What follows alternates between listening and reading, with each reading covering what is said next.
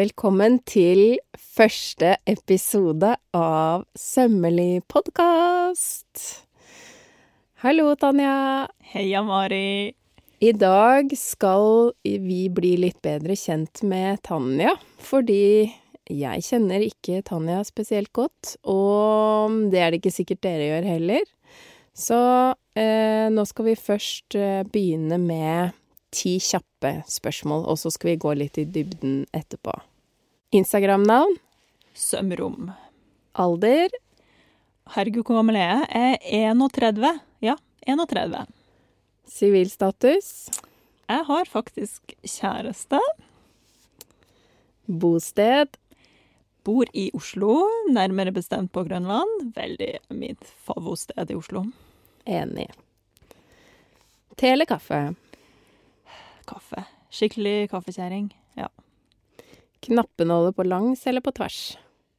Oh, generelt, altså sånn uh, utgangspunktet på tvers. Men selvfølgelig, det er jo tida, tida i livet der uh, det, det, må gå på langs, liksom. Men utgangspunktet på tvers. Syr du da oppå de knappenålene? Lite skyter inn det lille kontroversielle? Ja, veldig kontroversielt. Og jeg må si i all hemmelighet, oss imellom alle sammen, syr noen ganger over de nålene. Jeg gjør det. Det gjør jeg også. Mm. Hund eller katt? Det her er ganske vanskelig. For jeg, i hjertet katt. Alltid katt. Men jeg syns jo Nei, vet du hva? Katt. Katt. Silkeschiffong eller ulltvid? Ja takk, begge deler, tenker jeg da. Jeg er litt sånn mye vil ha mer. Syns alt er gøy. Det er helt innafor. Ja. Rød eller hvitvin? Rødvin. Enig. Hvilken symaskin syr du på? Ja, hjemme så har jeg en sånn bordmaskin av hjemme. En FAF Performance 52. Dette er ikke reklame. Den har jeg kjøpt sjøl for mine egne penger, og ble blakk. og den er jeg veldig glad i, faktisk. Mens på kontoret, på atelieret, så har jeg en Yuki, sånn industrimaskin. Den har ikke noe reklame der heller. Kjøpt og betalt. Eh, herregud, så godt det er å sy på en industrimaskin. Jeg må jo skyte inn at jeg altså holdt på å tisse på meg når du fikk den i 30-årsgave. Ja, og da var jeg så misunnelig, for det er øverst på min ønskeliste. Ja, det er en helt annen verden. Det, vi, det burde vi prate akkurat, om en dag. Akkurat den, det er akkurat ja. den samme modellen jeg har på min ønskeliste. Ja.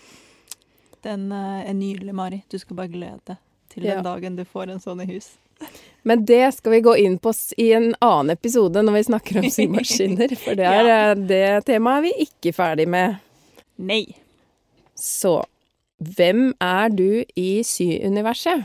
Veldig, veldig godt spørsmål, Mari. Hvem er jeg i syuniverset? Jeg føler sjøl at jeg er en litt sånn nykommer, egentlig, da. Men har jo eksistert i dette universet en stund. Men det, det jeg slumpa jo litt sånn inn i det. Jeg følte at det var liksom datt uti dette syuniverset litt tilfeldig. Og, og, måten jeg kom inn i det på, er jo da symesterskapet. Det kan jo være at det er flere som vet om. Um, det, året var 2017, og Tanja tenkte Ja, yeah. Tanja kom over en sånn um, flyer, faktisk. Jeg var på um, en av stoffbutikkene i Oslo og så at de hadde lagt ut en sånn flyer på bordet. Da kjøpte jeg vel noe stoff til et eller annet kostymeprosjekt med dansinga. Og så så jeg denne flyeren, og så tenkte jeg det her kan vel jeg være med på? Og så meldte jeg meg på Symesterskapet. Og så vant jeg hele driten, og så uh, sitter jeg her nå, da. ja. Det er veldig gøy. Og da må jeg jo nesten spørre, når begynte du å sy? Fordi jeg har hørt rykter om at du egentlig ikke hadde sydd så mye før symesterskapet. Eh, og da, om jeg får si det sjøl, så har du hatt en helt enorm læringskurve. Fordi nå tenker jeg at eh, du er sånn nesten forbi meg på visse områder, enda jeg har holdt på litt lenger enn deg, da. Ja, nei, altså læringskurven har vært enormt bratt. Det har den. For før symesterskapet Nå skal jeg forstå. Jeg fikk min første symaskin da jeg var 12 eller 13, kanskje. Og mamma sydde en del, og jeg tror hun hadde en sånn ambisjon om at jeg også skulle sy en del. men den symaskinen var også litt sånn delvis gave til mamma, på en måte, da. Skjult i gave til meg. Uh, og den Det kicka liksom aldri helt inn, det der med søm, fordi jeg var så sykt fast bestemt på at jeg skulle bli danser. Jeg bestemte meg for at jeg skulle bli danser da jeg var ni. Så det er liksom egentlig det jeg har gjort. Og alt jeg har gjort ved sida, har liksom vært i regi av dansinga. Så jeg hadde bare sydd liksom kostymer til meg sjøl når jeg har trengt det, til ulike danseprosjekt.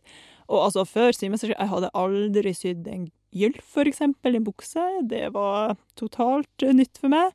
Jeg visste ikke hva et belegg var, det måtte jeg liksom google før Når jeg skjønte at herregud, nå skal jeg være med på dette programmet, nå må jeg faktisk finne ut av hva i huleste alt det her er.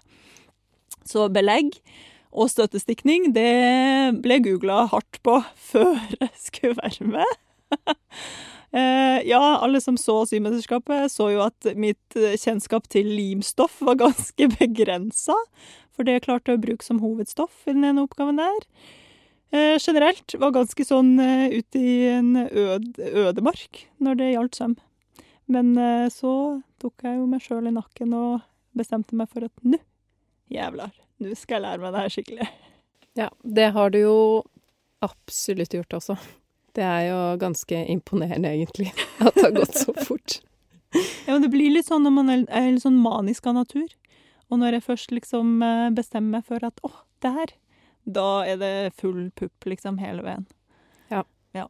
Jeg kjenner meg jo helt klart igjen. Mm. Og sånn apropos det, fordi jeg tror at eh, Altså, du Hvor kommer du egentlig fra? Fordi man hører jo at du har dialekt. Og så vet jeg at du også har litt sånn diverse andre opphav. Ja, diverse andre opphav. Um, altså født og delvis oppvokst i Russland. Født i St. Petersburg og liksom vokst opp der. Og hele familien min er russisk. Så um, så vi flytta eh, Dialekta er ikke St. Petersburg-dialekt. Det er et slags Bodø-dialekt som har blitt påvirka opp gjennom åra. Men vi flytta til Bodø da jeg var ni. Så ja. Og når man, når man, er ni, liksom, da er man jo egentlig ganske liten, føler jeg. Men jeg føler meg verken eh, russisk eller norsk. Sånn, jeg klarer ikke å si hvor jeg egentlig kom Eller sånn, ja, når folk spør meg sånn, ja, føler du deg mest russisk eller mest norsk, så tenker jeg litt sånn nei, ingen, begge deler og ingen av delene. Mm. Ja. ja.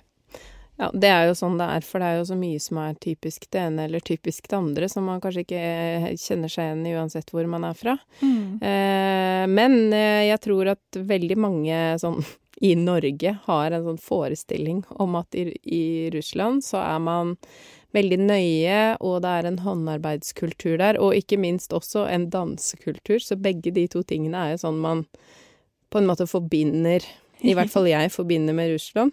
Ja. Og da lurer jeg på Er det en forutinntatt mening, eller er det sant? Ja, veldig vanskelig for meg som er liksom eh, som er der for å svare på, men et, det er mye sant i det. Og så syns jeg det er litt morsomt at uh, du nevner det, for da føler jeg at det liksom bare tikker av på alle sånne klisjé-russiske boksedansere. Ja!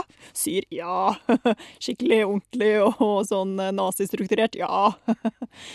men, uh, men jo, altså, jeg tror det altså, Nå kan jeg fortelle en morsom historie, fra, for jeg begynte jo på skole der. Jeg begynte i første klasse i Russland, og andre klasse gikk jeg vel også i, ja. Og det er en helt annen kultur, selvfølgelig. For eksempel, det var veldig sånn strengt. Vi satt alle på sånne eh, to og to pulter, og så når læreren kom inn, så måtte vi røyse oss. Uansett, hvis noen kom inn i klasserommet, så måtte vi liksom røyse oss, og så fikk vi sette oss ned når den personen ga beskjed om at det var greit. Og så satt jo alle Vi ble opplært til å sitte med liksom hendene sånn pent folda på på eh, skolepulten, da. Sånn liksom den ene handa over den andre på pulten, under armen, liksom. Det var veldig vanskelig å forklare, for det er jo ingen som kan se meg. Nå, nå sitter Tanja med hendene sånn, helt sånn flatt uh, foran uh, så fingerspissene når albuene, og så er liksom hele overkroppen helt sånn firkanta. Mm. Flatt på bordet. Og hvis man da skulle rekke opp handa, så var det en veldig liten bevegelse. Og det var da liksom bare å løfte Den, det måtte være høyre. Høyre over venstre. Veldig viktig. Og hvis man skulle løfte armen, og så få svar, løft handa, så løfter man liksom opp den ene høyre handa. Men albuen måtte fortsatt være i, liksom, i pulten, da. Skjønner du, skjønner yeah. du hva oppveksten er? Det Liksom, er det er helt sjukt. Ja, det er helt sjukt. Og da, men det, barn er jo barn, så man får jo overtenning og blir gira når man har svaret på Mm. det læreren spør om. Så da var det ofte kanskje litt sånn, da, hvis man var skikkelig gira. Ja, så man kunne kanskje løfte begge armene opp litt, grann, men Ja, den eh, nederste armen er fortsatt under albuen på den andre armen. Ja. Og hvor gammel er man da? Når man begynner på skolen der og, og lærer å sitte sånn helt stiv som en firkant. ja, det er man seks år Ja. og har på seg uniform. Ja.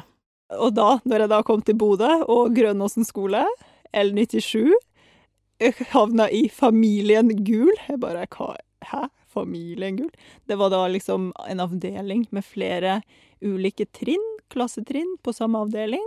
Og vi satt rundt på sånne gruppebord, og jeg fikk helt bakoversveis, liksom. Bare, what? Skal jeg sitte på en benk på dette her langbordet og lære meg pluss og minus når jeg allerede kunne brøk, liksom? Det var litt uh, fascinerende.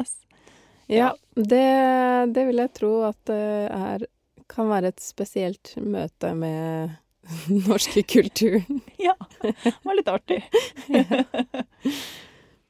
Vet du hva det første du sydde var? Nei, det tror jeg kanskje ikke jeg vet. Eller sånn klarer jeg å, å huske tilbake på det. Det jeg vet, var at etter jeg fikk denne symaskinen, så var det beste jeg visste å sy, det var lommetørklær til han pappa.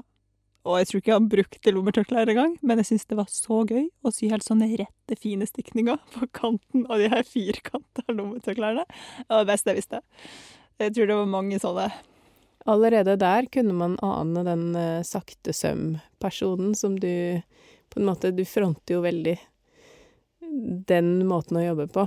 Ja, og det, det tror jeg var Jeg kunne liksom sitt Altså, helt tilbake til jeg var veldig lita, så tror jeg foreldrene mine var redd for at jeg var autist, fordi jeg kunne sitte med én ting i timevis og bare være helt stille, og liksom ikke eh, ense noe annet. Så det det begynte tidlig. Jeg kjenner meg veldig igjen, Ja. så det, det er nok det at det ligger litt i blodet, da. Ja. Født sånn eller blitt sånn? Definitivt født sånn, tror jeg. Ja. Hva er det beste med å sy for deg? Åh, det var det vanskeligste spørsmålet så langt, tror jeg. Det beste med å sy. Jeg tror det, jeg tror det beste med å sy er at det på en måte aldri slutter å, å være utfordrende, kanskje. Eller sånn, ja, at man alltid eh... Nei, vet du hva, det, det er kanskje ikke det beste. Det beste med å sy er at det er en slags sånn blanding av at det både alltid er liksom nye ting å lære, og nye utfordringer man må takle, og også det der med at man må være en liten sånn forsker og en som finner på ting. Litt sånn uh, mad scientist, på en måte. For man kan jo alltids finne på en bedre måte å løse det på, eller en ny måte å løse det på, eller en måte som aldri noen har tenkt på sånn. Det syns jeg er veldig gøy. Så det tror jeg må være det beste. At jeg liksom får brukt, uh, brukt liksom den forskeren og det Ja, kanskje man til og med kjenner seg litt som et barn, da. Fordi man får finne opp ting. Man liksom plutselig en oppfinner midt i alt det veldig strukturerte. Ja, det tror jeg må være det beste. Jeg er helt enig. Jeg kjenner meg veldig igjen i det du sier. Ok, hvem er din drømmekunde? Altså hvem som helst. Det trenger ikke å være realistisk eller en person du har tilgang på. Den kan også være fiktiv. Min drømmekunde Jeg tror det hadde vært veldig gøy å sy til noen som liksom har en helt annen kroppsfasong enn man er vant til. Det tror jeg er, må være mine drømmekunder sånn generelt. Og det kan jo være så mangt. Kanskje folk som er veldig stor, eller ja, har mye volum på forskjellige steder som man ikke er vant til. For da får man jo revurdert, uh, revurdert tilgangen sin uh, på nytt og på nytt. Sy til eh, noen som er kortvokst, eller noen som har noen liksom, konkrete utfordringer, da. Sånn at de som må løses via klær, Kanskje du har en stomipose, liksom, og hva er det beste for det? Eller sånn, ja. Så jeg tror det må være noen som på en måte utfordrer litt eh, For det er jo ikke noe gøy. Det kjedeligste er jo å sy til seg sjøl, for meg sjøl er jo så vant med liksom, Jeg kan jo alle de måla utenat, og jeg vet akkurat hvor jeg må ta litt inn for at det skal se mest mulig hyggelig ut på meg sjøl. Men det artigste tror jeg må være å sy til noen ja, som har liksom et helt annet utgangspunkt enn meg, og prøve å løse det på best mulig måte. Sånn at den personen tenker ja, vet du hva, nå naila du det her. Dette har, dette har slitt med så lenge, men nå fikk du dette til å gå opp. Det hadde vært gøy, da. Og da Egentlig så er jo drømmen ikke den kunden, men at jeg klarer å naile den kunden. ja. Det at søm kan gjøre en forskjell i noens hverdag fordi de får klær som passer, Ja. som de vanligvis ikke har pleid å kunne ha. Ja. Ja. Det er nok eh, Det er jo derfor eh, Eller sånn, det er en stor del av hvorfor jeg driver med dette her generelt. Ja, Det er en visjon i seg selv. Ja. Så tenk, den eh, drømmen, ja, er det verdt å hige etter. Og sånn apropos eh, drømmekunde, hvordan ser du for deg fremtiden nå som du snart er ferdig som lærling? For det har vi jo egentlig ikke gått inn på i det hele tatt. Nei, for det er jo det jeg er. Jeg er jo en lærling. Ja, framtiden er mørk og dyster. Nei, framtiden er forhåpentligvis eh, vakker og lys. Jeg, har, jeg har en drøm, og det er å få et eh, eget sted. Og liksom, nå har jeg jo den eh, Instagram- Instagram-kontoen som heter Sømrom. Jeg har jo veldig lyst til å gjøre sømrom til et fysisk rom. Ja. Og da Og det i mitt hode, da. Da skjer det veldig mye inni dette rommet. At det kan liksom være en sånn fantastisk møteplass for eh, liksom sømkompetanse, der man både kan samle amatørsyere som eh, vil sy mer eller eh, vil lære nye ting, men også liksom samle litt om bransjen. For det, det føler det finnes veldig få møtesteder der vi som gjør dette som, en, eh, som et yrke, da, som profesjon, der vi kan møtes og liksom bare sy sammen. Det hadde vært drithyggelig, tenker jeg. Og så kan man jo lære av hverandre sine fuckups og eh, lure ideer og alt sånn. At det kan være et mer sånn eh, Ja, at det rett og slett kan være et møtested, da. En sånn Oslos eh, stor systue eller et eller annet sånt. Sylosjen. Sylosjen. Yes! ja, det er drømmen. Men hva, hva som egentlig skjer, det vil jo tida vise. Ja, kult. Dette var veldig gøy. Altså, det, jeg har ikke spurt om noe av det her på forhånd, så dette Nå eh, får jo, kommer jo også mine spontanreaksjoner. Ja. Så det gleder jeg meg veldig til å følge med på. Eh, og både du og jeg har jo mange år bak oss som selvstendig næringsdrivende. Har du alltid tenkt at du skulle være din egen sjef? Det, det tror jeg ikke. Eller jo, etter hvert som jeg begynte å bli mer sånn seriøs med dansinga, og egentlig forsto hva det vil si å være profesjonell danser. At det ikke nødvendigvis er sånn at man liksom går ut i et arbeidsmarked der noen står og venter på deg med åpne armer og skal ansette. Så skjønte jeg jo det at jeg måtte være min egen sjef eh, for å få det til å gå rundt i det hele tatt. Og det var jeg egentlig veldig komfortabel med. Og det kjenner jeg at jeg fortsatt er veldig komfortabel med. Jeg kjenner at nå etter å ha vært snart to år i lære, så begynner jeg å bli rastløs. For da er jeg litt sånn lei av at andre skal bestemme. For det første når jeg skal stå opp, det er det verste egentlig, om morgenen. Eh, Men også, ja, så, liksom så vant etter å ha frilansa såpass lenge som danser, da, fem år var det vel, så blir jeg helt sånn der, eh, ja, jeg blir nesten litt sånn ja, rastløs, rett og slett, når, når jeg ikke får lov til å bestemme min egen arbeidshverdag lenger. Det kjenner jeg veldig på. Det er jeg helt enig i. Ja, vi er så enige, du, Mari. Er. Irriterende enig. Irriterende enig. Nå er vi inne på et spørsmål der vi virkelig kan bare begynne å krangle. Men hvordan var egentlig overgangen fra dans til søm? Var det sånn fra den ene dagen til den andre, eller skjedde det gradvis? Ja, for jeg snudde, jeg snudde jo litt på flisa, på en måte. Eh, og det tror jeg kom veldig sånn overraskende på veldig mange, i, i hvert fall i mitt eh, dansemiljø. At eh, nei, plutselig så hadde jeg forsvunnet fra, fra liksom scenen der. Um, og jeg følte sjøl at det var veldig sånn uh, privilegert Det var egentlig en veldig sånn privilegert situasjon for meg, fordi jeg følte aldri at Jeg føler fortsatt ikke at jeg har slutta å danse. Jeg har bare begynt med noe annet, og så har jeg ikke tid til å danse mer. Så når folk spør sånn 'Å ja, men var det ikke vanskelig å slutte med dansen?' og sånn, så, så blir jeg litt sånn 'Hæ? Jeg mener, jeg har ikke slutta med dansen. Jeg har bare begynt å gjøre noe annet'. Um, men òg det litt sånn forskjeller mellom å drive med det og å drive med dette. Det, det både ganske forskjellig, fordi med søm så får jeg jo et veldig sånn håndfast produkt som jeg kan ta på, og jeg kan liksom uh, enten gremmes over eller uh, se og beundre. Mens en danseforestilling eller en solo eller hva som helst, det skjer jo bare der og da. Og så er det på en måte borte. Du kan ta det opp på video, men det blir jo aldri en forestilling igjen. På en måte. Så det er liksom veldig forskjellige måter både å uttrykke seg på, og veldig forskjellig hva man sitter igjen med på godt og vondt. Fordi for eksempel med dans så kan jeg bare prøve og prøve og prøve å lage nye og nye ting i det uendelige, uten at det hoper seg opp liksom en bunke med klær som ikke fungerer. så, så, det er liksom Ja. Forskjellige måter og ja, forskjellige uttrykk, da, rett og slett. Men samtidig så er det jo ganske likt, fordi jeg føler at jeg får uttrykt med hvis det, Ja, visuelt, sier jeg. Jeg får uttrykt med kreativt. Og så eh, får jeg nerda. Liksom pusla, pusla med detaljer og liksom gått inn i dybden på ting, da. Mm. Det gjorde jeg med dansinga òg. Mm. Ja, det er akkurat det med å sitte igjen med noe håndfast, det kjenner jeg meg igjen i. For jeg er sånn motsatt som Ja. Jeg har fått ganske mye kritikk tidligere fordi jeg ikke tar vare på noen ting. Jeg vil Jeg er ferdig, og så vil jeg gå videre. Ja. Og så der er jo dans helt uh, perfekt uttrykk, mm -hmm. egentlig. Man må bare klare å danse, da. Det er jo Ja.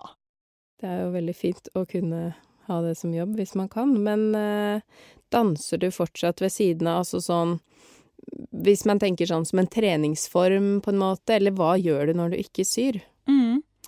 Um, jeg er Jeg tror at jeg generelt, jevnt over linja, er et veldig sånn alt eller ingenting-menneske. Så det er veldig vanskelig for å, for å ikke bare gå inn med hud og hår og øh, alt som er i en ting. Så når jeg ikke syr, da ligger jeg på sofaen og er helt horisontal og liksom må lade batteriene, på en måte. Så det, går, det har liksom gått uh, pinlig mye i søm de siste to-tre åra her nå. Uh, og nei, jeg danser ikke noe mer, ikke som treningsform. Jeg har slutta å trene. Det er fælt å si det, men helt, jeg har bare bestemt meg for at nei, det trenger jeg ikke du. Du har jeg liksom skakkjørt kroppen min så lenge, fra jeg var liksom ni til jeg var godt opp i 20-åra, og jeg har hatt så mange skader, og jeg har hatt så mye vondt, at nå er det bare sånn Nå bare går jeg rundt og nyter at kroppen bare får være som den er. Den skal ikke passe inn i noe, den skal ikke kunne gjøre noen ting som helst, den. Jo da, den skal jo kunne sy, men, eh, men, det går bra. Jeg trenger liksom ikke å Trenger ikke å ha den og den kondisen for å føle at jeg kan prestere i hverdagen, liksom. Det er digg. Du vet vel også kanskje åssen du skal pleie en eh, nakke som har drevet med for mye håndsøm, eller Ja, men det morsomme med det er Jeg vet ikke om det kanskje er fordi jeg har en såpass god grunntrening i bunn fra jeg var lita. Jeg har så lite vondt i kroppen. Har aldri hatt så lite vondt i kroppen som jeg har nå når jeg syr. Og det er så digg. Jeg blir helt sånn halleluja. Det er hallelujastemning over hele linja, altså. Selv om, ja, selv om jeg sitter med håndsøm en dag, så bare kjenner det ikke så veldig. Det kommer vel, tenker jeg. Ja, det kan uh nå er jeg bare et par år eldre enn deg.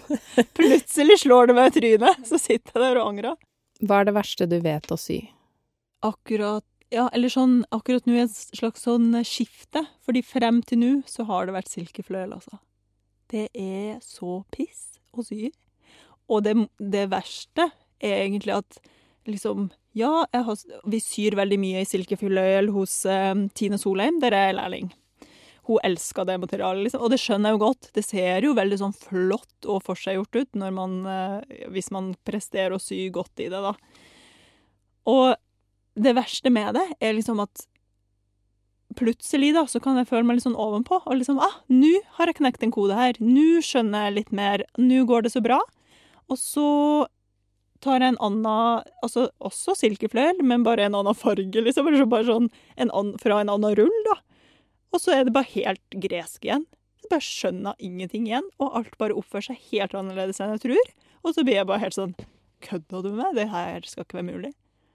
Og sammen litt sånn tidsmessig, da. Hvis vi har sydd mye i det en periode, så igjen blir det litt sånn Yes! Nå, nå, Tanja, nå skjønner du noe mer her. Så går det en uke, og så er det bare flere skritt bakover.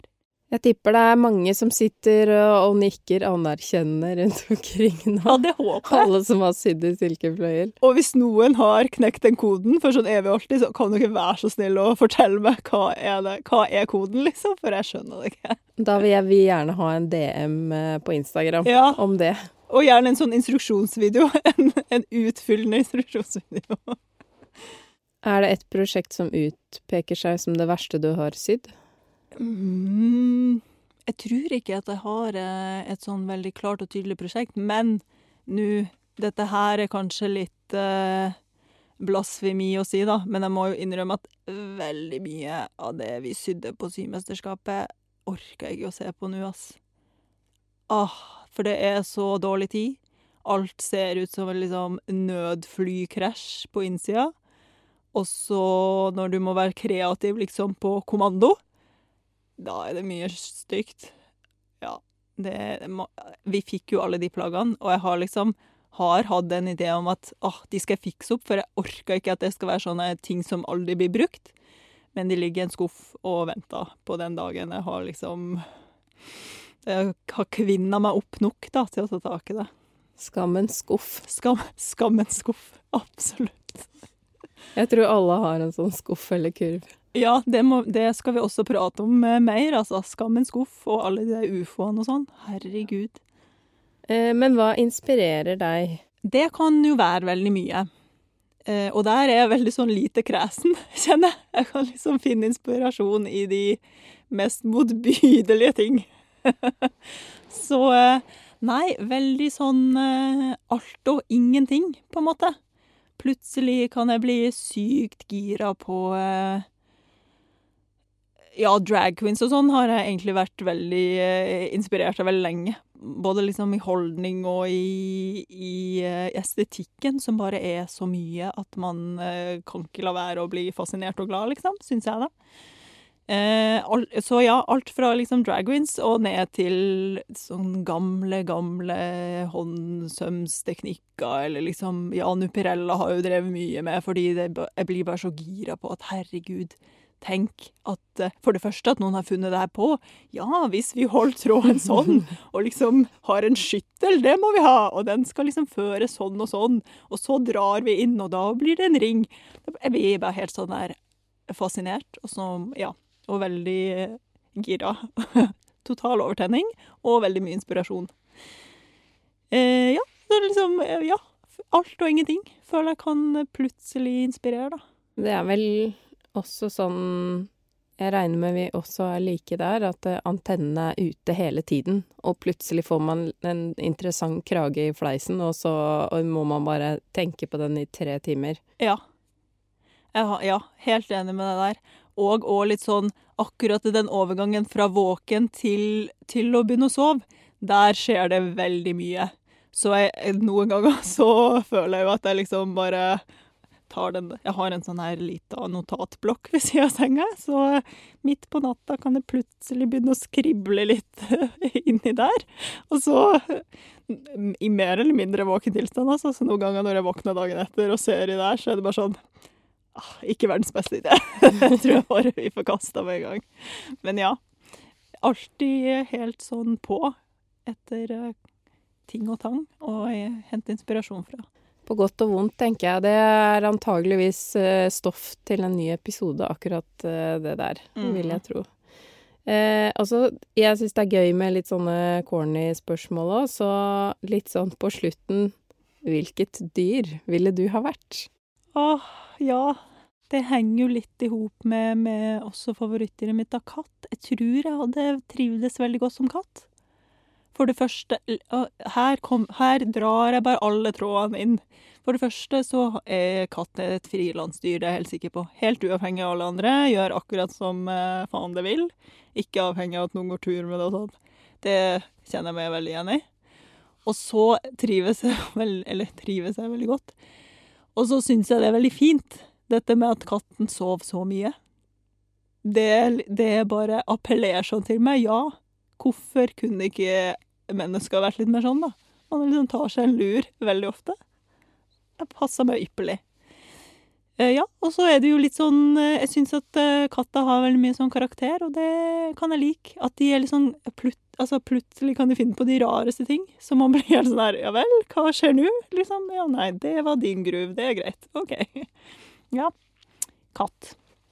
Tror jeg hadde, hvis jeg kunne vært, hadde vært en katt. Syv liv. Passer meg fint. Har liksom dødsangst, så har liksom sju liv å gå på. Nydelig.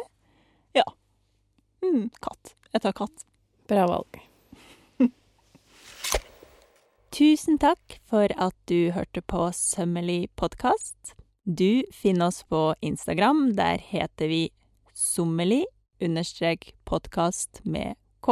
Og ellers kan du kontakte oss på e-post, og da sender du den til k at gmail.com. Tusen takk til Andreas Prestmo, som har produsert podkasten og klipper og limer i alt det vi sier, og til Synnøve Overid, som har laget den fine musikken.